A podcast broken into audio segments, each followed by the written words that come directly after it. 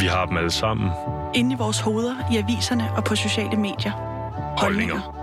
Nogle af dem bliver råbt ud. Vi prøver at forstå, hvorfor. Du lytter til Udråb. Programmet, hvor vi med ærlig dialog folder holdningernes nuancer ud. Din vært i dag er Vitus Robak.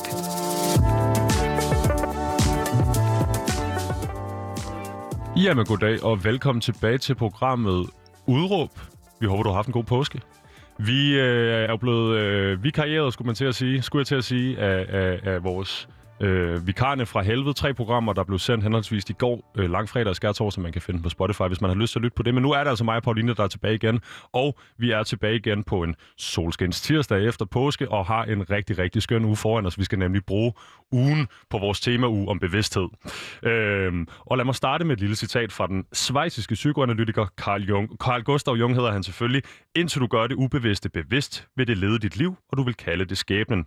Og lige netop det ubevidste skæbnen og meget mere skal vi snakke en forfærdelig masse om i den her uge, men vi vil også prøve at følge læresætningen her og gøre det ubevidste lidt mere bevidst. Simpelthen ved at gøre det, vi er bedst til, og invitere interessante gæster i studiet for at snakke med dem. Og I skal heller ikke snydes for en interessant gæst i dag, for med mig i studiet har jeg en mand, der med meget høj sandsynlighed står bag den eneste bachelor på emnet zen-buddhisme og parkour, og en mand, der lever af sit virke som personlig træner, coach, yogainstruktør, bevægelsesmetodist har jeg valgt at kalde det, og meget, meget mere. Velkommen til dig, Markus Grandjean.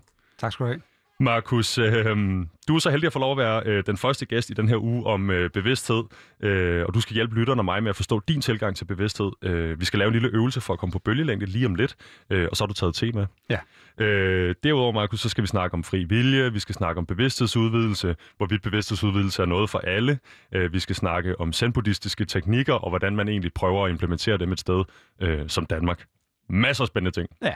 Men Markus, lad mig lige øh, starte med at høre. Bachelor i zen-buddhisme og parkour. Hvordan kan man komme til at skrive sådan en? Jamen, øh, man læser idræt, og så, øh, og så har man en stor interesse for zen-buddhisme og for parkour som, øh, som en del af ens sådan, hverdag. Ikke? Og, det, øh, og det endte jo bare med at spørge en professor, kan jeg ikke, altså, kan jeg ikke skrive om det her? Og det, det, var han, det var han med på, fordi der var en masse fede aspekter, som man kunne, øh, som man kunne bruge i idrætsverdenen også øh, på det tidspunkt.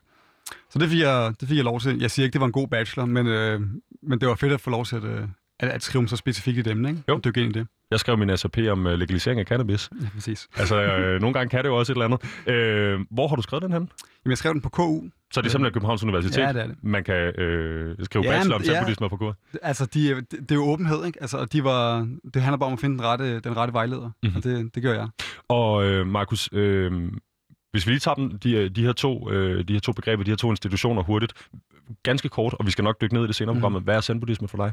Jamen, zen-buddhisme er en, en, en filosofisk retning i virkeligheden, og en måde, at jeg kan tilgå mit eget liv på, og, og mit eget sind, apropos bevidsthed. Ikke? Så det er, en, øh, det er jo noget, jeg har dykket ind i ud fra et kulturelt perspektiv og et, øh, og et filosofisk perspektiv, som har givet mig en masse indsigt i mig selv og i den verden, jeg lever i. Og det, og det har jeg prøvet at modernisere på en, ja, på en nogenlunde fornuftig måde, sådan så det ikke, bliver, det ikke alt sammen er sådan noget øh, oldgammel visdom. Ikke? Jo.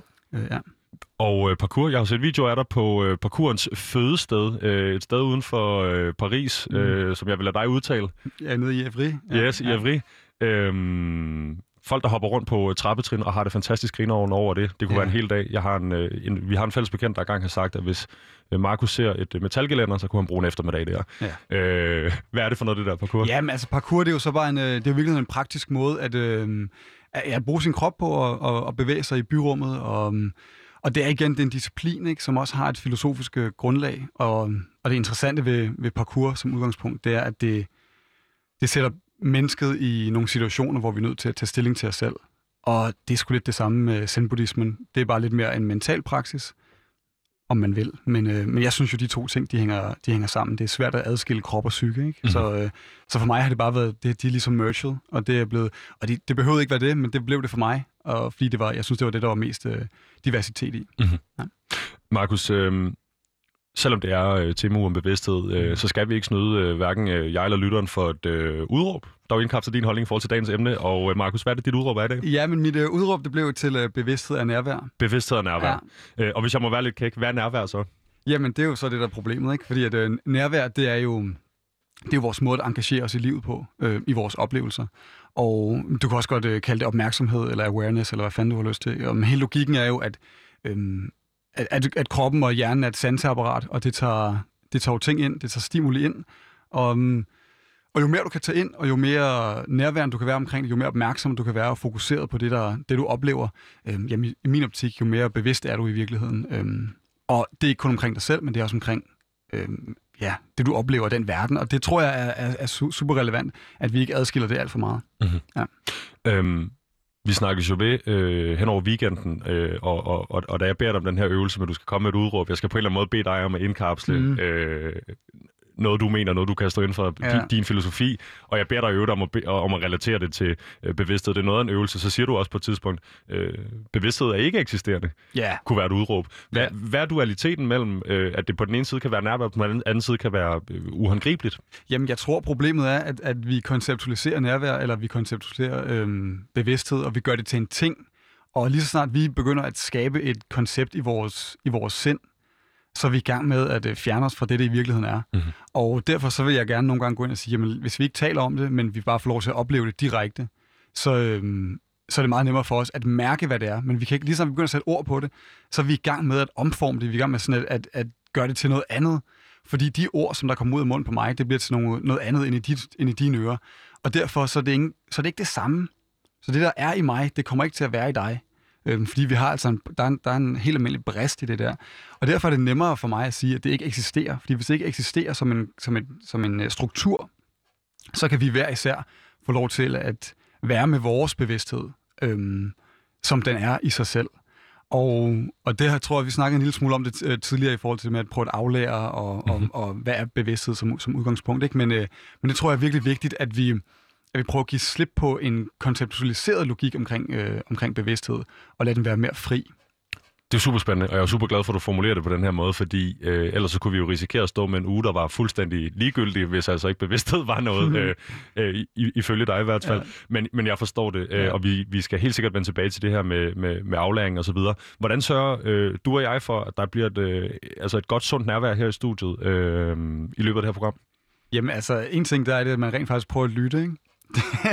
og det er jo meget banalt, men det er jo, at, at, det er, at man har en intention om at lytte til dem, der er, øh, dem, der er omkring en. Og, og, og det nærvær, det handler i virkeligheden bare om, at man vil, man vil sig selv og hinanden det bedste. Mm-hmm. Øhm, og det tror jeg er super relevant for, at vi skaber øhm, en sådan fuldstændig opmærksomhed på, på omgivelserne. Og, og det, det er en intention til at starte med, for det er ikke sikkert, at, vi, at det er rent faktisk det, vi føler, eller det, vi oplever, men det er det, vi prøver at, at, at skabe her. Ikke? Mm. Øhm, og nu har vi taget lidt te med, og der er lidt, øh, vi har en lille øvelse og sådan noget, så man kan altid man kan prøve at lave nogle små ting i sig selv, for at, øh, for at øh, dygtiggøre sig inden for den her praksis. Ikke? Jo, jeg vil lige stille et øh, sidste spørgsmål ja. til det med nærværet, fordi jeg glæder mig også til teen, mm. øh, og til den lille øvelse, du har taget med til, til lytterne og jeg.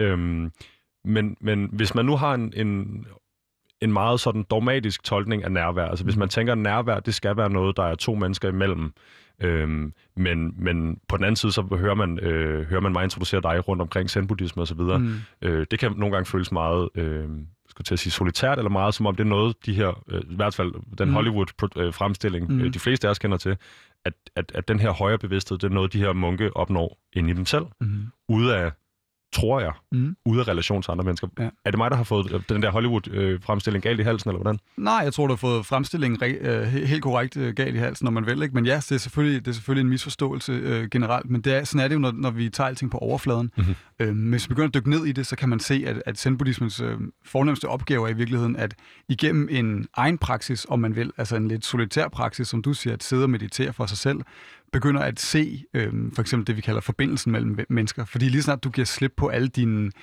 øh, alle dine sådan lidt øh, egocentriske tanker omkring dig selv, og hvordan du finder lykke, så bliver det meget nemmere at se, at dit liv afhænger af alle andre, og det afhænger af den verden, der er omkring dig. Og når du når derhen, så er det, så er det unægteligt, at du bringer dig selv tilbage til verden, og Ja, og navigere i det, der er omkring dig, og navigere i dine medmennesker, og, og derfor så handler det i virkeligheden meget mere om medfølelse, end det handler om, øh, om at finde lykken selv. Spændende. Ja. Men vil det sige, at jeg... Fordi jeg tænkte i morges, da jeg vågnede, jeg tænkte, hold kæft mand, jeg, skulle, jeg er ikke nærværende nok til at have Markus i studiet i dag, fordi han kommer til, han kommer til at overtrumfe mig. Ikke? Mm-hmm. Altså, han kommer til at... Øh, han kommer, til, han kommer til at kunne mærke på mig, at jeg ikke er til stede. Mm. Øhm, og nu siger du så, som, som jeg forstår mm. det i hvert fald, altså det er også noget med det med, det med medfølelsen. Mm-hmm. Det, med, det med det store nærvær, så ja, med, ja, ja. med det kunne være lidt, øh, lidt fræk at sige det globale perspektiv mm-hmm. det her mhm. nærvær og så videre. Øh, og så går det op for mig, at jeg har set Seaspiracy i går aftes. øh, og lært, at øh, halvdelen af alt fiskebestand, den er fra øh, fiskefarm og øh, alt muligt med slaveri og videre. Jeg Mm. elsker laks. Mm. Øhm, kan så noget? Altså, er, det- er det, altså, Ja. kan, kan, kan, kan de her om, hvordan vi ikke behandler hinanden rundt omkring på jorden, for eksempel, eller behandler dyrene ordentligt osv., kunne det måske være noget af det, der havde en dårlig påvirkning på min bevidsthed, da jeg vågnede her til morges? Det kan det sagtens. Altså, det kan jo sagtens gå ind og påvirke din, øh, din fornemmelse af, øh, hvordan du har det, og hvordan du, er, hvordan du er til stede. Fordi du måske hele tiden kommer til at være i hovedet, og du kommer til at øh, overtænke de her ting, analysere det, reflektere omkring det. Øh, det nærvær, vi gerne vil hen til i realiteten, det er et sted, hvor at det her det får lov til at øh, eksistere. Vi navigerer på baggrund af det. Så vi kan godt se Seaspiracy eller et eller andet andet.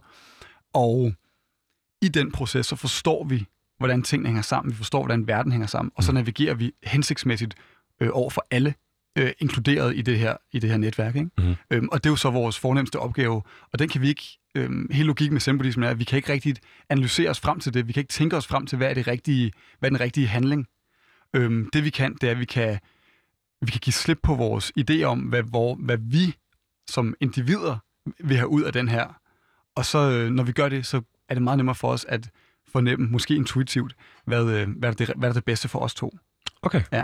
Og det vil sige, at det du øh, klassificerer som værende den rigtige handling, Mm. er øh, vil sige, det er en, øh, en fejlslutning, fordi den rigtige handling vil være subjektiv. Den vil være subjektiv, og, og, og i sidste ende, så vil den jo også øh, ende ud i, at mm, jeg kan jo ikke vide det. Øh, og det er jo lige præcis derfor, at, at vi navigerer efter bedste evne, men vi prøver at navigere efter, en- ud efter en anden global, øh, global logik om, at vi alle skal sådan, øh, vi skal have noget ud af det. Det vil sige, dit nærvær, din måde at være her i dag på, det er det bedste, som det kan, kan være. Mhm. Øhm, og det får jeg noget ud af. Øh, men og omvendt, forhåbentlig. Jeg er blevet klogere. Det er godt. Jeg er med på det. Fedt. Kan man, altså, kan jeg på en eller anden måde forstå det som værende, at jeg, kan, kan jeg give nærvær fra mig? Nej, Nej. nej, men du kan dele det. Okay. Ja, giver det mening? Ja, det, jeg tror, Ja, altså, hvis, hvis, hvis min, hvis min øh, nu sidder vi i et øh, radiostudie her på Christianshavn for, for lytterne, det kan de selvfølgelig ikke se, men der er, hvad der er en halvanden meter mellem mig og Markus. Ja. Kan min nærvær nå halvvejs hen over bordet, og så skal din nærvær nå den, den, du ved, det sidste stykke af vejen, og, og så er der noget fælles, eller... Ja, det kan man godt sige. Altså, øh, jeg, jeg, tror, jeg tror lige præcis det her med, at vi deler nærvær, det er en øhm, øhm, grund til at formulere det på den måde, det er fordi, at, at ellers så føler vi hele tiden, at der er noget, der bliver taget fra os. Øh, Ah. hvis vi hele tiden giver noget, men vi ikke får noget igen. Og så er det, vi øh, nogle gange negligerer den her, øhm, ja, den her afhængighed, vi har af hinanden. Eller sådan, vi, ja, at vi ligesom at vi alle sammen hænger sammen øh, på en eller, anden, en eller anden kosmisk plan, ikke? der vi alle sammen en del af hinanden. Og, og hvis vi hele tiden tænker sådan, jeg, jeg giver nærvær til dig, men hvor, hvor er dit hen? Mhm. Mm-hmm. Hvorfor får jeg ikke noget tilbage? Så vil vi konstant føle, at vi er i underskud af, af en eller anden form for energi. Og, og det er i virkeligheden, fordi vi ikke forstår, at hvis jeg giver dig nærvær, så giver jeg også mig selv nærvær. Ah. Øhm, så derfor så synes jeg, at vi deler det. Ja. Og, og for mig, der, altså, om du kalder det kærlighed eller nærvær, det, det, er, det er irrelevant, men det, det, er det samme, det er den samme øh, dosis af bevidsthed. Godt. Ja. Tak, Markus. Vel tak. Vi, øhm, du fik faktisk selv øh, lige teaset for øh, noget, du har taget med her Ja. i studiet i dag. Og øhm, hvis jeg skal beskrive for lytteren, hvad det er, Markus har taget med, så har øh, jeg, har jeg har stillet noget kogende vand til rådighed. Øh, men Markus han har taget en, en, en lille æske af noget tørret te, tror jeg. Ja. Øh, som han nu hælder op i en, en lille fin øh, øh, lær, øh, hvad hedder det? Ja, lærkan. lærkande. Ja. Så har du taget to tekopper med. Ja. De ser fine ud. Og hvad kan, hvad kan glas øh, kan ud til Ja, venstre? en glaskande. Altså, altså jeg, jeg tog den faktisk med, fordi jeg synes, den, øh, den havde et relevant budskab i det her. Øh, den her glaskande, det hedder en samashi på japansk, eller, og på engelsk kalder man det en equality cup. Mhm. Og hele logikken er, at når vi brygger te i den her øh, lille kande her, så vil, så vil nogle af de tunge te-molekyler, de vil ligge nederst. Og det betyder, at den er tyndere i toppen, end den er i bunden. Så hvis jeg hælder op i den ene kop, så vil du få en tynd kop te, jeg vil få en stærk. Ah. Eller omvendt. Og på den måde, så kan også styre, hvem jeg synes, der skulle have den bedste kop te. Og fordi at vi øh, i, i bevidsthedens perspektiv er lige meget værd, øh, sådan rent universelt, så hælder man op i øh, den her equality cup først, så teen bliver øh, dekanteret og distribueret ligeligt, sådan så vi er sikre på, at vi får den samme kop te. Og det er en måde at øh, uddele respekt på til dig, men også til mig selv. Okay, spændende. Ja. Ja. Jeg vil sige, øh, det står på en bambusmåtte, som jeg synes, der var noget, noget billede på. Ja, det står derovre. Ja. Ja, ja, ja. Hvad er det, en samurai? Ja det er en øh, gammel sådan, øh, te, øh, te-mester, der hedder Lu Yu, der er i gang med at lave en kop te der. Hvor skønt. Ja. Markus hælder, øh, Markus hælder det fra den, fra den originale pot op i Equality-koppen, øh, så han kan skænke os en, en færre og respektabel kop te. Er det ikke rigtigt forstået? Jo, lige præcis. Hvorfor er det, jeg har bedt dig om at tage te med, Markus? Jamen, det er fordi, det er en måde, at, øh, det er en måde, hvorpå vi- at jeg synes, vi kan, vi kan indgå i en nærværende praksis, hvor vi kan manifestere den i, i, i virkeligheden. Ikke? Så det, det handler meget om processen med at lave den, og ikke så meget om at drikke den. Okay. Det handler om det her med, at, at øh, de små elementer, der er, for eksempel bare det der med, at det har en værdi, at jeg hælder den op i den her Equality Cup, altså machine. Øh, det betyder, at vi er nærværende i den proces. Jeg lægger mærke til, at jeg er nødt til at hælde den op i den her, sådan så jeg kan hælde det op i de små kopper, så du kan få den. Mm. Og det er de små detaljer i livet, som vi kan øhm, proppe noget nærvær ind i, som rent faktisk er med til at manifestere øhm, de kvaliteter i os selv. Øhm, det er skidesmart. Grund til, at jeg jo også øh, virkelig gerne vil have dig til at tage det her med, det var fordi, da vi snakkede sammen den anden dag, Mm. så siger du noget, der på en eller anden måde ligesom var en, en lille åbenbaring for mig, Mm. som du siger, hvorfor, jeg tror, du siger noget i retning af, Vitus, hvorfor tror du altid, at de her øh, afslappningsøvelser, meditationsøvelser, der for eksempel er på din telefon, eller på de her guidede meditationer, øh, har noget at gøre med dit åndedræt, eller dine Mhm. musklerne i dit ansigt. Ja. Man skal altid enten slappe af i, i ansigt, eller Mm. kroppen, eller et eller andet. Og det ved jeg ikke rigtigt, det kan jeg ikke lige regne ud. Men så siger du, det er selvfølgelig, fordi det er noget, du altid har med dig. Mm-hmm. Så du vil altid kunne, du vil altid kunne fokusere på ansigt eller på åndedrættet som Ja. værende øh, det, vi koncentrerer os om i en, i en meditation eller en mindful øh, session. Lige præcis. Øhm, nu er det sent. Må jeg smage på den? Ja, det må du. Ja. Og hvis du ikke kan lide den, så behøver du ikke sige det. Jeg vil sige, den smager ikke så forfærdeligt meget. Kan det passe? Ja, det kan godt passe. Altså, Det- Jeg vil sige, jeg ryger også cigaretter, og derfor er jeg jo ikke Ja, en, så man, øh, en så man guardian lidt, ja. for min øh, taste buds. Ja. Men, øh, En del af nærværet, det ligger jo, øhm, og grund til, at jeg faktisk rigtig godt kan lide te, det er fordi, at øhm, der er en vis subtilitet over øh, smagsnuancerne i te. Så det betyder, at det tager faktisk ret meget, det tager ret meget øvelse at mærke øh, og smage ordentligt efter. Mhm. Øhm, og det er, det, er lidt, øh, det er lidt modsat vin og, og øl og kaffe og den sag, som, er, som har en kraftig og, og intens smag. Vi er vant til stimuli. Og det betyder, at fordi vi er vant til at blive sådan bombarderet med stimuli, så har vi faktisk svært ved at mærke ordentligt efter. Mm. Øh, vores sanser er ret finfølende. Men hvis de hele tiden bliver bombarderet, så begynder de at blive desensitive, øh, altså de bliver desensitive, ikke? Mhm. Og det betyder jo i realiteten, at vi har svært ved at smage de ting, som, som har smag, fordi vi er vant til, at det hele tiden skal være øh, meget ekstravagant. Ja. Øhm, og derfor kan jeg godt lide det her, fordi det tvinger mig til, hver gang jeg tager en tår, at smage ordentligt efter. det er smukt, synes jeg. Ja. Også fordi, jeg vil sige, at jeg i øh, marts måned sidste år havde corona, og jeg var en af de uheldige, der gik med øh, uden lugt og smagsans i to uger efterfølgende. Mm. Der gik der for mig, hvor vigtigt det er at kunne smage og lugte Ja. noget ordentligt. Ja. Jeg ryger stadigvæk cigaretter, men det er på vej til at stoppe. Ja. Markus, øh, vi skal jo vi skal, vi skal have en lille... Du har taget en lille øvelse med til mig. Ja, lille en. Vil du forklare om det? Øh, fordi det er jo sådan her, vi har jo gjort det programmet før. Jeg kan jo ikke, øh, jeg kan ikke bede Markus om at lave noget radiovenlig meditation, uden at han skal på, gå på kompromis en lille smule med, Nej. Med, hvad han normalt laver. Jeg tænker, det tager en, en del længere tid. Øh, jeg kender mennesker igen, der har været til dine sessions, Mm. som kommer ud af meget, meget, meget rare, rolige mennesker, når de har været der. Mm. Øhm, jeg, jeg bad dig om at kode det ned i et, i, i et radioformat. Ja. Vil du fortælle noget først, eller skal jeg sætte øh, vores, vores lille øh, underlæg på, og så skal vi gå i gang mere eller mindre med det samme, eller hvordan? Jeg kan bare lige hurtigt sige, at øhm, det, altså, det er faktisk noget, som jeg godt kan lide at starte de fleste, de fleste meditationer med, som guidede meditationer. Og det er ikke en, øhm, det er ikke en mirakelkur på noget, men det er faktisk noget, man kan tage med sig, øhm, som en, en, en øvelse, man selv kan gøre, øhm, hvis man nu øhm, har brug for det i sin hverdag. Det tager altså ikke meget mere end de der tre minutter. Og ja, det kan lede til noget mere. Øh, Det kan lede til en lille bitte smule mere øhm, nærvær i længden, men det kan også bare give en et, øh, et lille afbræk, hvis man føler, man har brug for det. Fedt. Skal jeg gøre noget? Skal jeg rejse mig op? Skal jeg tage mine sko af? Skal jeg... Du skal bare sidde, øh, sådan så du føler, at du ikke er ved at falde ned af stolen. Så øh, Jeg prøver. Ja. Og så sætter jeg den her på. Ja. Skal vi se.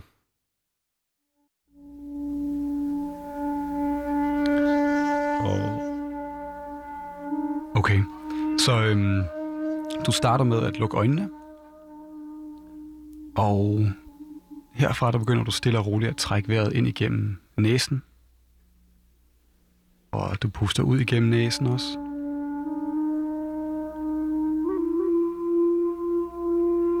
Og du har gjort det en to-tre gange, og du kan mærke, at dit åndedræt er naturligt og roligt. Så begynder du at fokusere din opmærksomhed på musklerne omkring dit ansigt. Og du kan starte omkring kæbemusklerne. Herfra der prøver du at se, om du kan lade kæben være afslappet, og måske så åbner din mund så en lille smule.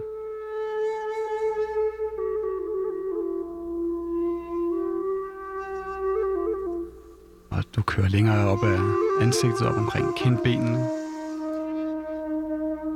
Og får en fornemmelse af, at musklerne og huden omkring kinderne får lov til at være tungt og afslappet. Lidt som om, at dit ansigt smelter stille og roligt. Du bliver med at holde et naturligt fokus på dit åndedræt, så du hele tiden har en, en stille vejrtrækning.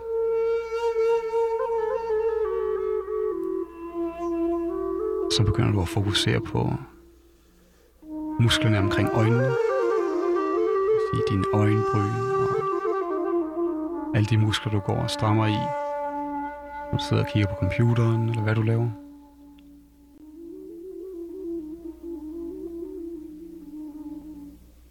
Prøver du at lade dine øjenæbler hvile i dine øjenhuler. Når du oplever, at de kigger op eller ned, eller føles nogle gange, som om de prøver at kigge bagud. Men prøv bare at lade dem falde stille og roligt på plads, uanset hvor det er, de vælger at kigge hen.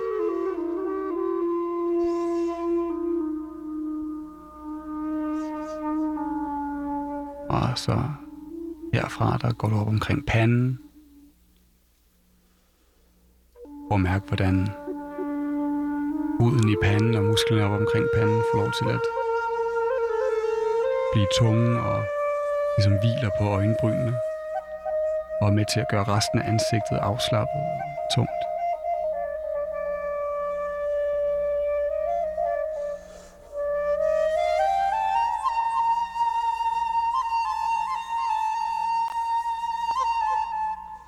så kan du begynde at trække vejret ind igennem næsen en lille smule kraftigere.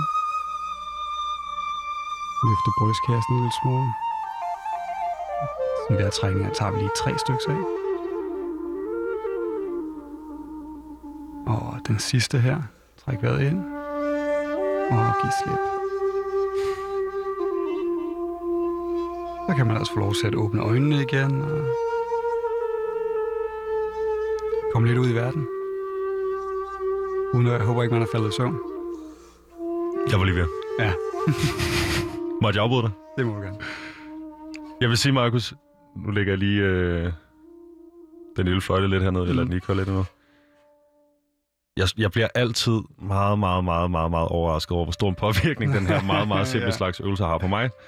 Øhm, jeg, jeg tror også... Øhm, nu gav du os godt nok... Øh, øh, du, du, du, du, du bemærkede i hvert fald, inden vi gik hen, at vi var meget afslappet omkring, at vi skulle ind og sende Mhm. radio. Det var, jeg tror, du fik sagt, det var meget rart, ikke? Jo, jo. Ja.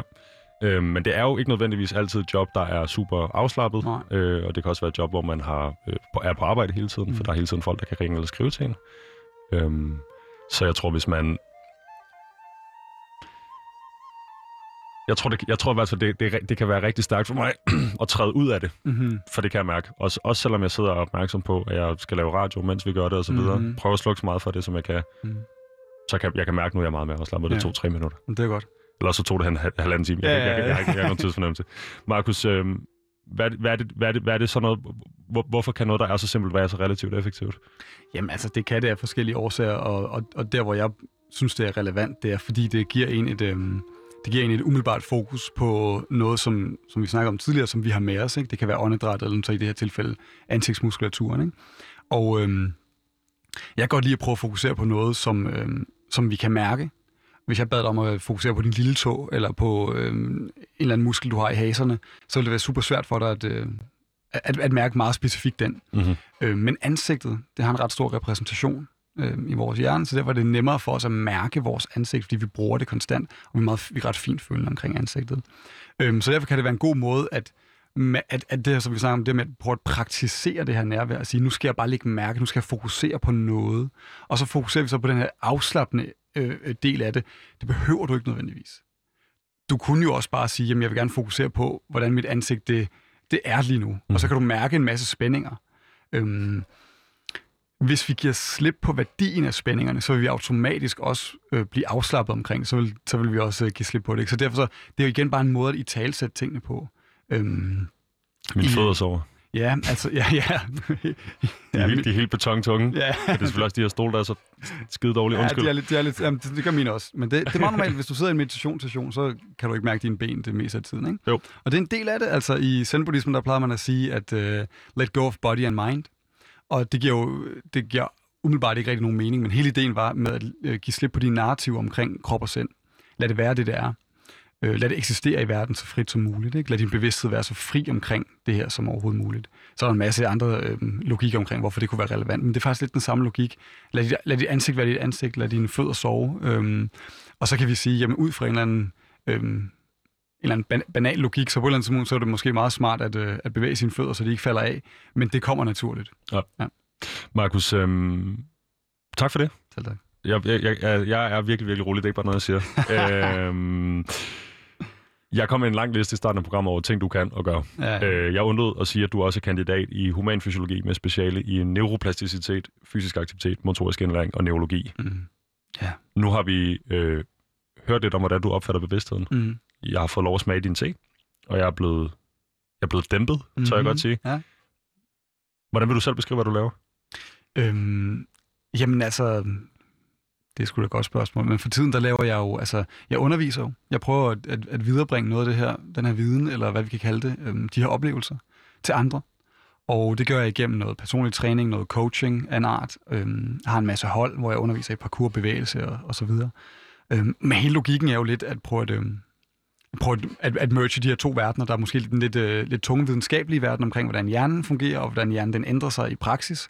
Og så er der et lidt mere filosofiske perspektiv omkring, jamen, hvordan kan vi tilgå øhm, hvordan kan vi tilgå vores liv, hvordan kan vi tænke over det, hvordan kan vi øhm, reflektere over øhm, ja, det at leve. Mm. Og, og, jeg, og jeg synes i virkeligheden, det hænger, at det hænger sammen. Jeg synes, hvis jeg var for meget i den ene øh, grøft, den for meget i den videnskabelige grøft, så manglede jeg det andet perspektiv. Jeg manglede det filosofiske, romantiske, poetiske perspektiv, som også var vigtigt for at forstå det videnskabelige i virkeligheden. Øhm, og, det, øhm, og det har jeg så prøvet at, at, at koble stille og roligt. Jeg tror altså ikke, det er, en, det er ikke en ualmindelig kobling, det her. Det øhm, kan godt være, at du ikke kan læse den på universitetet, ikke? Men, men som udgangspunkt, så, øh, så, så tror jeg, det er ret normalt, at de fleste, der indgår i enten det ene eller det andet, bliver interesseret Mhm. øhm, på den anden side. Ikke? Men fra øh, at læse på, hvad er det, Gerlev Idrætshøjskole? Ja. Er det den her? ja, det var der, jeg startede. Ja. Øhm, til at, at, at, at, at, at have det der med bevidstheden Ja. øh, så meget i fokus. Mm.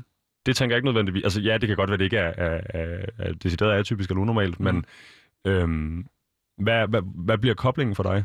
Øhm, jamen, koblingen der, altså grunden til, at det bliver rigtig, rigtig relevant for mig, det er fordi, jeg oplever, at fysisk aktivitet på en eller anden måde har en... Øhm, at, at måden, jeg indgår i en fysisk aktivitet på, kan rent faktisk ændre måden, jeg øhm, oplever mig selv på. Mm-hmm. Det vil sige, det kunne ændre min karaktertræk. Øhm, den måde, jeg, den attitude, jeg havde, når jeg spillede basket. Hvis jeg kom ind med en meget aggressiv attitude og gerne ville vinde, så havde jeg også en tendens til at være mere aggressiv i mine relationer og i mine øh, venskaber, og i min måde at udtrykke mig på. Men da jeg begyndte at, okay, kunne jeg være mindre kompetitiv, eller så kunne jeg mærke, okay, min attitude, min måde at indgå i den her fysiske aktivitet på, den er faktisk med til at manifestere sig på alle mulige andre planer i mit liv. Og der, det var, der har jeg været 18 år, ikke? der var jeg sådan lidt, det her, det, det er vigtigt. Det kan, det kan jeg mærke i mit liv. Det bliver, kommer til at være rigtig, rigtig vigtigt, fordi at jeg, jeg har ligesom, jeg, og jeg havde ligesom alle andre, en helt almindelig længsel og en indre uro omkring, hvad fanden, hvad, hvorfor er jeg her? Mhm. Hvad fanden laver jeg, mand? Ikke, øh, hvad skal jeg bruge det her liv til? Øhm, og jeg kunne mærke, at hvis jeg kunne, hvis jeg kunne arbejde med det, og hvis jeg øh, på et personligt plan, så kunne jeg måske få lidt ro i den, øh, i den uro, der nogle gange lå i, i, i en. Ikke? Og så gik det jo bare mok. Så har jeg jo så bare brugt al min tid på det. Ikke? Jo. Ja, og det var derfor, jeg, det, altså det er den eneste grund til at læse på universitetet. Det var for, Det var for at lære de ting, som jeg følte, jeg skulle lære for at forstå, hvordan det var at leve. Mhm. Det var også derfor, jeg læste idræt. Fordi idrætten var, var en måde at, at, at, at behandle sig selv på og sin krop på. Så jeg tænkte, det, det bliver jeg nødt til at lære på en fornuftig måde, det her. har, du, Øhm, har du så fået afviklet den der øh, eksistentielle angst, eller jeg ved ikke, hvad du vil kalde det selv? Men, Jamen, altså, nej, det har jeg da ikke, men den er da klart mindre, end den har været, end den har været tidligere. Og jeg vil sige, øhm, jeg tror ikke, man afvikler det. Jeg tror, man kommer til at være med det på en anden måde. Jeg tror, man kommer til at acceptere det på en helt anden måde, fordi man ser på den oftere, og man, man holder den øh, og siger, jamen, der er, der er, det er svært at forstå den eksistentielle angst, øhm, men den må godt være der. Mhm. Og mit liv, uanset hvordan det kommer til at se ud, så vil den altid være der. Fordi det handler om mig. Det handler ikke om det eksterne. Og det er jo det, der er så skide interessant med det her. At du kan have syv biler, og du kan have øh, verdens største familie, og du kan stadig gå rundt og være super ensom. Det, det, det er ikke relevant. Spørgsmålet er selvfølgelig, at du kan komme til et sted, hvor du distraherer dig selv nok, så du ikke er bevidst omkring, hvad du overhovedet laver, mm-hmm. og ikke lægger mærke til, øh, at du har det skidt. Men der går ikke lang tid, før at det kommer galopperende, hvis du sætter dig ned en, en søndag formiddag med en kop kaffe. Ikke? Så derfor så, øh, ja, så synes jeg, det var vigtigt. Jeg tænker, øh, hvis jeg skal spejle mig selv en lille smule i det, mm. du siger, så, så er der noget i det der med at distrahere sig selv, Mm. for enten at ikke at skulle tage stilling til noget, der er svært eller gøre ondt Ja, nu, eller måske for at prøve bare at skubbe det helt væk. Øh, det kan også være, at man dræber det i alkohol eller has eller et eller Ja, andet. ja. Jeg ved det ikke. Men hvordan er der... Jeg kan nemlig også godt lide at bevæge mig, men jeg Mm. tror ikke, jeg får den samme, den samme kobling. Det kan være, jeg kan lære at få den samme kobling. Mm. Men, men er der håb for sådan en som mig også? Ja, det er der. Eller, eller du ved, skal jeg ud på en højere bevidsthed for at kunne takle livet? Nej, det synes jeg sgu ikke, du skal. Jeg tror rigtig meget af det, det handler om lige præcis det der med at øhm, tro på det. Altså, det, det, øh, jeg vidste det jo heller ikke. Hvor fanden skulle jeg vide det fra? Jeg var 18 år. Det var bare en idé. Det var bare at tænke, jamen, der må være noget her. Jeg oplever noget. Jeg bliver nødt til at følge det. Og så gik jeg i gang med at læse nogle bøger og tænkte sådan, okay, der er måske faktisk en eller anden kobling i det her. Men det er hele tiden en egen proces. Det er hele tiden en oplevelse af en selv. Så hvis du vil det, altså hvis du gerne vil udvikle dig selv øh, på et personligt plan, så bliver du bare nødt til at finde ud af, hvad bruger du din tid på. Mhm. Og det var så derfor, jeg valgte at sige, jamen alle de ting, alle de øh, mønstre, jeg skal have i mit liv, det bliver nødt til at, at hjælpe det her på en eller anden måde. De fleste af dem, ikke? Øh, og det har da også været for ekstremt på et tidspunkt Mhm. I mit liv, hvor, det ting, hvor jeg ikke lavede andet, og hvor at, øh, der var en masse social interaktion, der forsvandt. Og da jeg fandt ud af, at det var usundt, så begyndte jeg selvfølgelig bare at reintro- reintroducere det. Så på den måde, så, øhm, så det nærvær, du får igennem den her praksis, den kommer også til at gøre dig meget bedre til at navigere i, jamen altså, hvad er det egentlig, jeg har godt af? Jeg har ikke godt af at være alene, faktisk. Jeg har godt af at være sammen med folk, men på den, i den rette mængde, og dang, dang, dang, dang. Mhm. Altså det der, det, så, så man kan sige, jeg synes, der er håb øh, forud for alle, men man skal have lyst til det. Man skal have lyst til, at øh, man skal synes, at ens liv er vigtigt. Man skal synes, at ens selv er vigtig. Øh, og i den omgang, som vi også snakker om, alle andre også.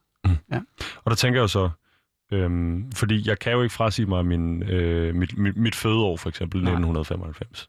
Jeg er født ind på et tidspunkt i verdenshistorien, hvor kapitalisme, om man ved det eller ej, er den altdominerende religion og ideologi. Mm. Mm-hmm. Øhm, og det vil sige, det første jeg tænker, når, du, når, altså når jeg nu for 100. gang i mit liv oplever ved tre minutters stillhed og, og lige mærke mig selv efter, mm-hmm. kan Mhm. gøre for mig, så tænker jeg altid, "Nå, hvor, fanden kan jeg købe det her, øh, hvor kan jeg købe det her produkt? Ja, ja, ja. Altså, hvor er det, jeg kan... Øh, Aha, ja. du forstår, hvad jeg mener. ikke? Ja, ja, hvad, hvad, er det hvad, tiderne, hvad, mand, ja. hvad er det for en hylde, Ja. jeg skal gå ind og... Hvad for en produkt skal jeg tage ned Ja. øh, for at komme af med det her? Øh, altså i et eller andet udstrækning hoppe over, hvor gæret det er lavest, eller hvor i hvert fald gæret det er nemmest at, at, at, at, at håndtere. Ja. Men så vil der ikke gå så længe, så vil jeg hoppe på Instagram, så vil jeg finde sådan en type som øh, dig. Øh, og du er jo, jeg har blandt andet inviteret dig ind, fordi at jeg mener, du er reel, men øh, Mhm. mange øh, som dig, eller mange, der er i dit felt, øh, er jeg kun indtil videre i mit liv blevet præsenteret overfor, fordi de på en eller anden måde er blevet afklædt i en Netflix-dokumentar, fordi de Ja. de en stor sekt eller en kult eller Ja, et eller andet. ja, ja. Der er du dog ikke helt, så jeg godt sige, Markus. Øhm, men hvordan er det? Og kan man, kan man tale om, at du sælger bevidsthed Ja, det er til, jo, til dem, ja. der vil lære det, til dem, der vil øh, tage imod? Ja, det kan man jo godt et eller andet sted, men, men, men ja, det er jo en skrækkelig, det er jo en skrækkelig formulering, ikke? Men, øh, men, men selvfølgelig er der noget omkring det. Og, og, og hele, hele, hele logikken omkring det der, det er jo, at øhm, vi, man prøver at facilitere øhm, og motivere andre folk til at øh, gøre det selv, til at øh, navigere deres egen bevidsthed. Ikke? Og øhm, som du selv siger, problemet er faktisk, at øh, jeg tror, hvis det, jeg lavede, var gratis, så tror jeg ikke, der vil komme særlig mange. Fordi at øh, motivationen for at komme til noget, man ikke øh, har investeret penge i, den er super lav for tiden. Mm. Og jeg forstår det ikke. Øhm, men i min optik, hvis jeg kunne leve med, altså, at jeg gør det, jeg gør, øhm, uden at få penge for det, hvis jeg fik borgerløn, eller hvis jeg havde en øh, risfarm eller et eller andet, så ville jeg gøre det fuldstændig samme. Mhm. Og det er jo det, der er problemet. Ikke? At jeg bliver nød, vi bliver nødt til at indgå i, den her, i det her møllehjul. Øhm, men det kan vi så også gøre med den bevidsthed om, at øh, jamen, hvor meget har jeg brug for? Så derfor så laver jeg for eksempel øh, nogle af mine kurser, de er donationsbaserede. Det vil sige, at jeg lægger en, øh, jeg lægger en guided pris på, på et eller andet, og så, øhm, og så lader jeg folk betale det, som de øh, føler, de kan give for det her meditationskursus. Øhm, og det gør jeg, fordi at, øhm, jeg, tror, at, øh, jeg tror på, at det er vigtigere, det er også vigtigt for dem, som måske ikke har råd til at øh, betale fuld pris. Det er også vigtigt, at de er der. Og det er jo sådan en eller anden måde, hvorpå vi prøver at navigere i det der. Og det gør selvfølgelig, at jeg tjener færre penge end de fleste andre. Men jeg tænker også, nu har vi snakket sammen øh, i løbet af weekenden, vi har snakket sammen, inden du var i studiet, vi har snakket sammen de forgangne 35 minutter her. Mm. Vil det ikke være helt skævt for dig, hvis der var nogen, der sad og gerne vil have bevidsthedsudvidelse, eller arbejde med sig selv ned ad det her spor? Jeg skal passe på med, igen, jeg vil gerne frame det som, en, som et, et, et, et, et punkt på menukortet, ikke? Jo, jo, jo. Men øh, arbejde med dem, Ja. ja. udvikle på dem, Ja, ja, blandt ja, andet ja. med deres bevidsthed. Ja. Ikke være forfærdeligt i din verden, hvis det var på grund af kroner og øre, at nogen sad derude og var fanget i et øh, bevidstløst hedshul? Jo. Forstår du, hvad jeg mener? Jo, jo. Ja. Det meste af mit arbejde, det er, det er gratis. Det er sådan noget uh, uofficielt arbejde igennem sociale medier, hvor jeg, hvor jeg guider lidt hister her, uden at folk øh, nødvendigvis forpligter sig, og ikke rigtig betaler for et forløb, og ikke rigtig gør noget, men jeg ligesom øh, støtter op omkring det. Og det, øh, det kan man måske sige er kannibaliserende for, min egen, øh, for mit eget liv og min egen virksomhed, om man vil. Men, øh, men jeg kan ikke se, altså jeg tror, at, jeg tror, at verden ville blive et bedre sted, hvis vi generelt øh, så relationer på den måde, og så mennesker på den måde. Øhm, det er der rigtig meget nærvær i, ikke? Mhm, det må man sige. Så det, øh, så det synes jeg, så, så, og nogle gange så hiver det mig ned af stolen, og så øh, har jeg brugt for meget energi på det, og så kan jeg ikke se ud af øjnene, fordi jeg er blevet skide stresset, øh, fordi jeg har prøvet at hj- hjælpe for meget. Men så lærer jeg så at navigere i det og sige, sige fra, og, og være hud, hudløs ærlig over folk og sige, jeg har, ikke, øh, jeg har simpelthen ikke mere energi for tiden, jeg bliver nødt til at øh, lige passe på mig selv i en periode, og det Mhm. godtager folk. Vi gemmer, øh, vi gemmer, hvor man kan finde dig på øh, Facebook og Instagram ja. ja, til sidste program, for jeg kunne egentlig godt lige tænke mig at blive på det her spor.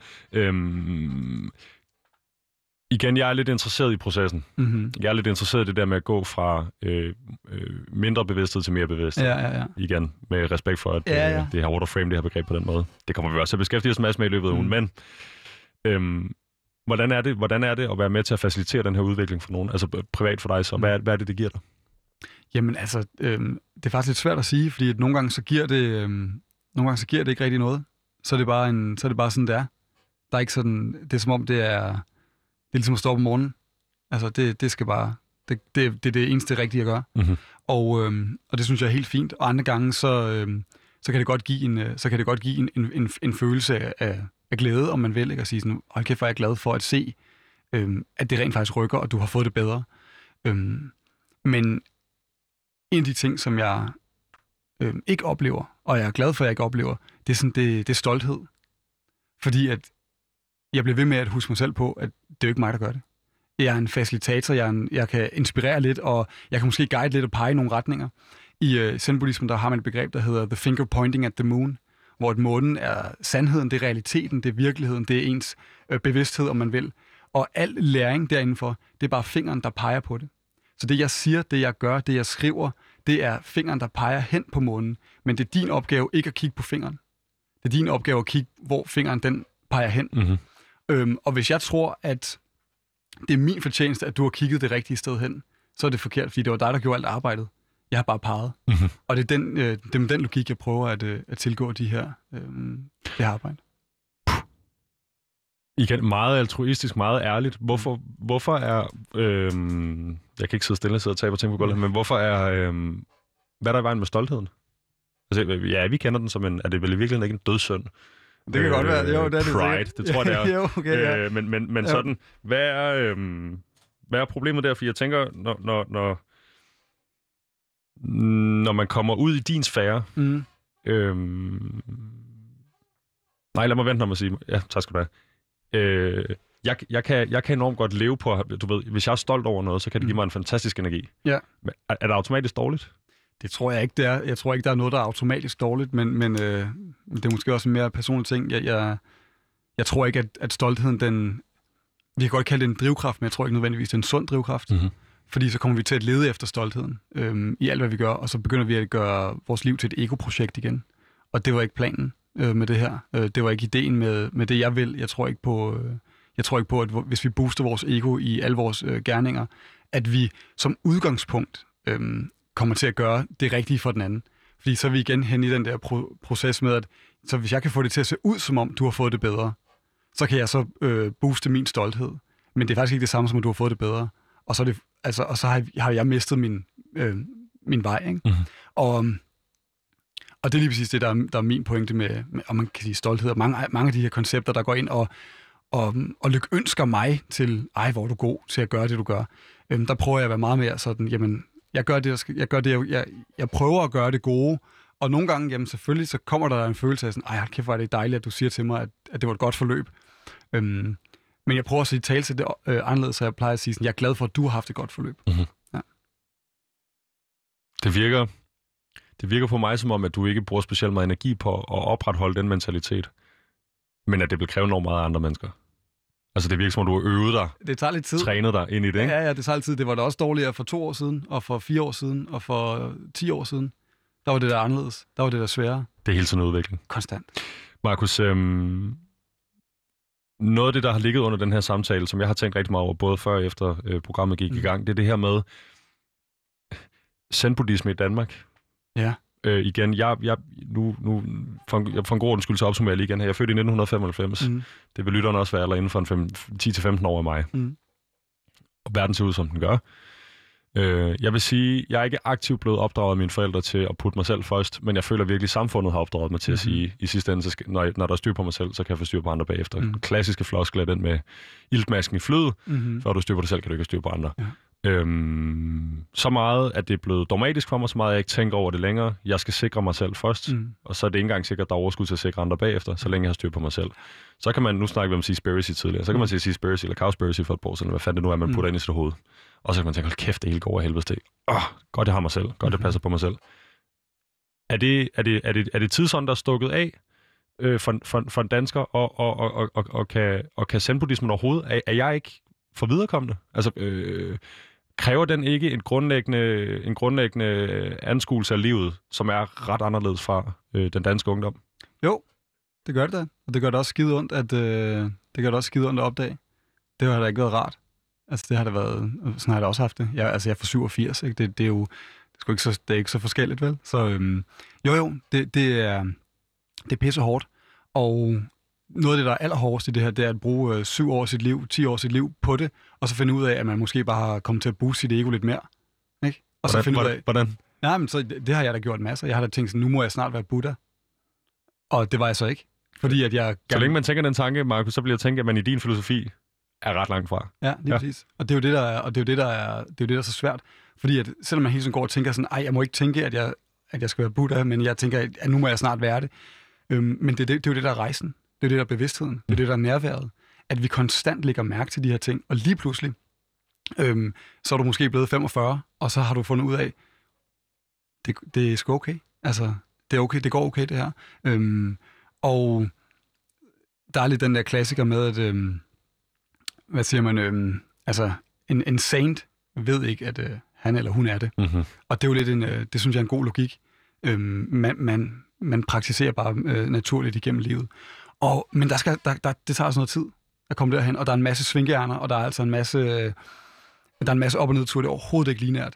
Men alternativet, det øh, synes jeg ikke er bedre. Nej. Så derfor så kan jeg ikke forstå, hvorfor man ikke bare begynder.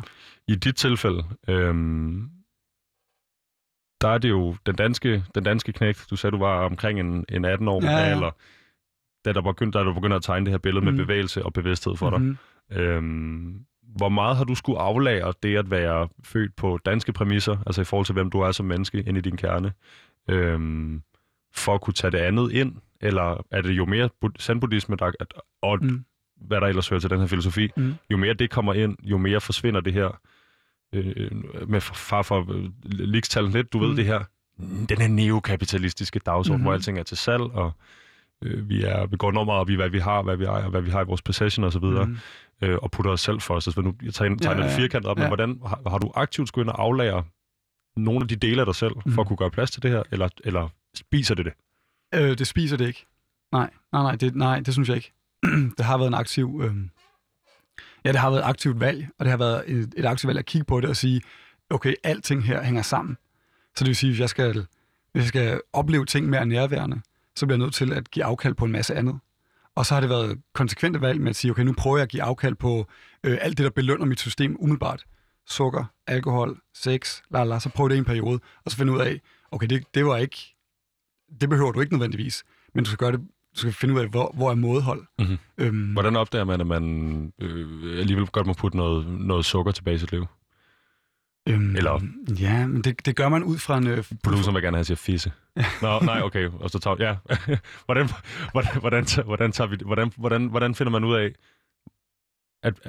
Nej, hov, det var, det var måske for meget det gode i virkeligheden. Øhm, jamen det, det, igen, hvis vi prøver, hvis vi mærker lidt efter i den der proces der, altså, og du, øhm, så vil du mærke, at enten så mangler du noget, eller også så begynder du at navigere dårligere i verden.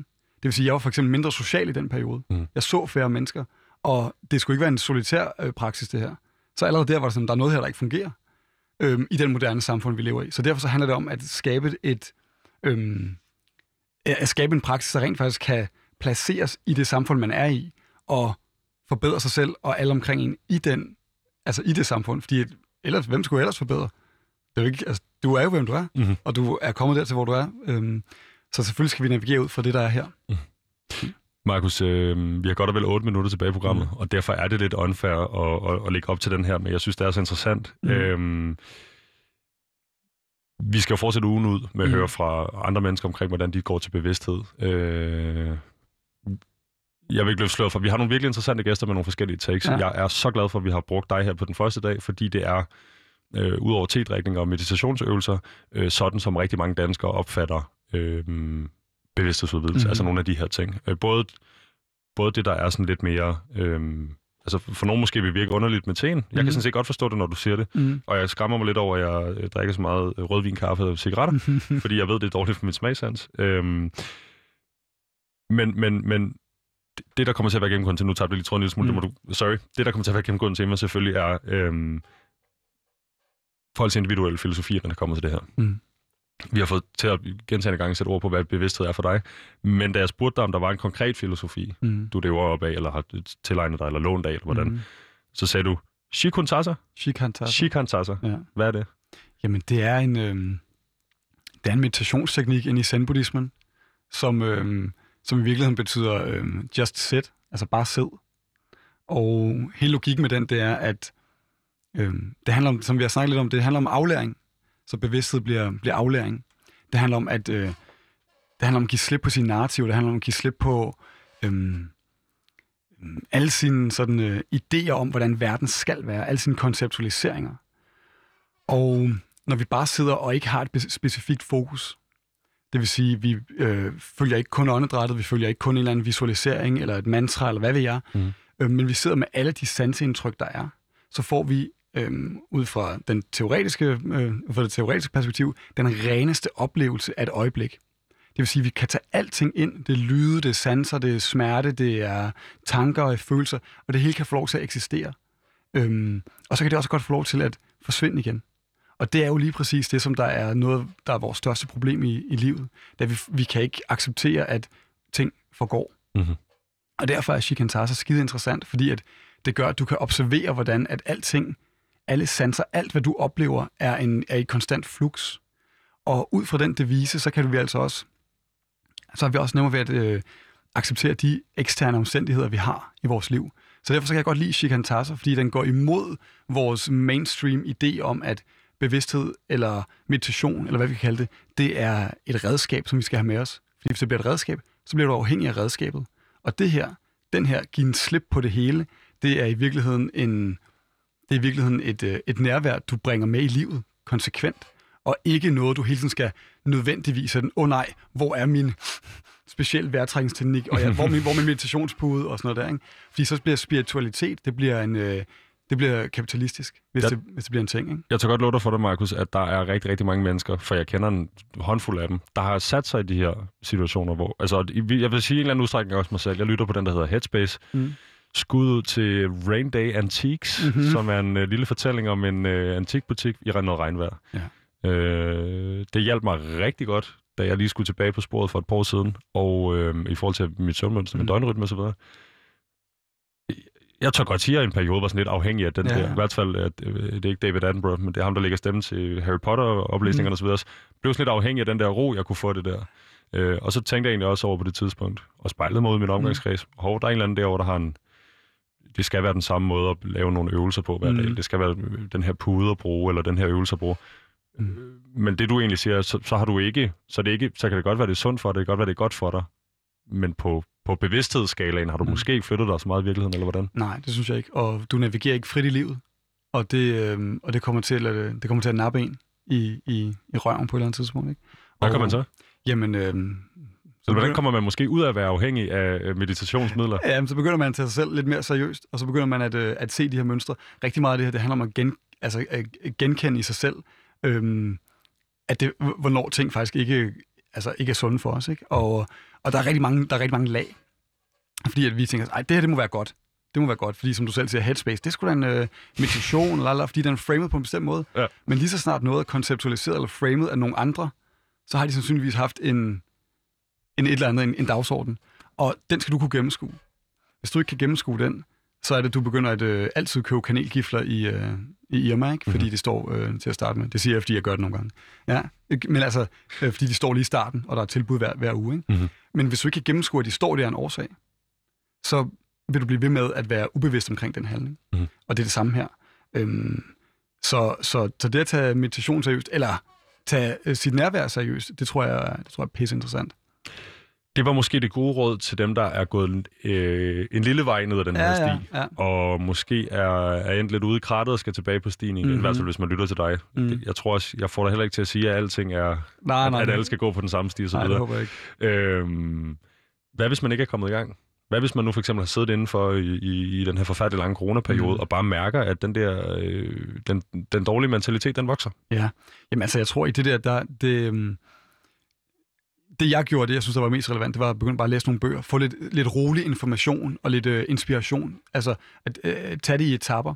Fordi det her, øh, hvis du, hvis du går, dykker nok ned i det her, så finder du ud af, at meditation er ikke en lykkepille. Det er ikke en øh, stress relief. Det er en øh, indgang til, til dig og til din sjæl, ikke? og til det, du har inde i. Og der er altså nogle mørke sider. Og hvis du kaster dig øh, flux ud i det, til at starte med, så kan der altså komme nogle, øh, der komme nogle angst- øh, eller depressive tilstande op, som du har svært ved at navigere i. Og, øh, og det er ikke meningen. Meningen med det her, det er, at det, det, det er lidt ligesom at, at begynde at træne igen. Stille og roligt, start det rigtige sted, gå en tur, begynd i et fitnesscenter, hvad vil jeg, få en personlig træner. Det er den samme logik her. Øhm, find nogen, der tager det her seriøst, og nogen, der har gjort det i mange år. Øh, og, det, og det er jo ikke mig, fordi jeg har jo kun gjort det her i 14 år. Der findes jo folk, der har været i, i gamet i, i 40-50 år. Øh, kig på dem, læs deres ting, øh, få en fornemmelse af, hvor de kommer fra. Øh, det jeg gjorde, jeg læste, en, jeg læste rigtig meget af de gamle mestre, altså de gamle filosofer. Øh, og, øh, fordi jeg var de bange. rigtig gamle fra Østen? De, ja, eller? de rigtig gamle. Ja. ja øh, altså 100% sådan noget af de, nogle af de originale ting, ikke? og synes, det er meget, meget spændende. Fordi jeg var bange for, at tingene ville blive øh, ødelagt i oversættelsen, mm-hmm. og at det ville blive for, øh, ja, om vi, vi kan godt kalde det kapitalistisk, men at det ville, vi ville prøve at udnytte øh, i Vesten, at vi ville prøve at udnytte og, og skære ting fra, mm-hmm. øh, fra, den, fra den primære filosofi. Hvad er den gode starterbog? Er det noget med Confucius? Øh, det er det faktisk ikke. Ja, det, kan, det kan du godt, men altså, jeg havde faktisk en, øh, jeg, jeg lavede en podcast for noget tid siden, også omkring øh, meditation til en, der hed, øh, og der nævnte jeg en bog, der hed Glæden ved at være til, mm-hmm. som er skrevet af en, øh, en tibetansk munk. Og den er moderne, den er up-to-date, øh, og han er sympatisk, og han vil fandme nogle gode ting. Øh, og han har nogle øvelser i, og og, og, ja, glæden ved at være til. Det, det lyder da godt. Glæden ved at være til. Ja, det Ugens første bevidsthedsanbefaling ja. for Markus Grandjean. Markus, øh, du skal også lige nå at sige, øh, hvor det, hvis nu man tænker, ja, jeg er mester i 50 år. Det lyder som om, øh, jeg, jeg synes, Markus lød rar. Jeg synes, Markus lød som om, han var øh, ved, ved, ved sin fulde fem. Ja. Hvor kan man finde dig? Jamen altså, jeg, jeg, har en, jeg har en Facebook-side og en, øh, og en Instagram, hvor man kan gå ind og kigge på noget content. Jeg plejer at... Øh, hvis jeg lægger et eller andet åndssvagt billede op af mig selv, så prøver jeg at skrive nogle tekster nedenunder, der har noget værdi. Mm-hmm. Øhm, så jeg vil øh, råde folk til at læse det, og ikke kigge for meget på billedet. Mm-hmm. Ja, det er bare blikfang. Man staver Markus med C og Grandjean. Det er G-R-A-N-D, J-E-A-N. Lige præcis. Markus, tusind tak, fordi du var med i dag. Tak fordi jeg måtte. Og øh, jeg vil sige, at vi selvfølgelig fortsætter øh, bevidsthedsugen ugen ud. Nu fik I lige på øh, falderæbet her nogle gode råd og god litteratur, og hvor man kan finde Markus, man har lyst til det. Vi vender tilbage igen med morgen med mere bevidsthed. Tusind tak, fordi I lyttede med.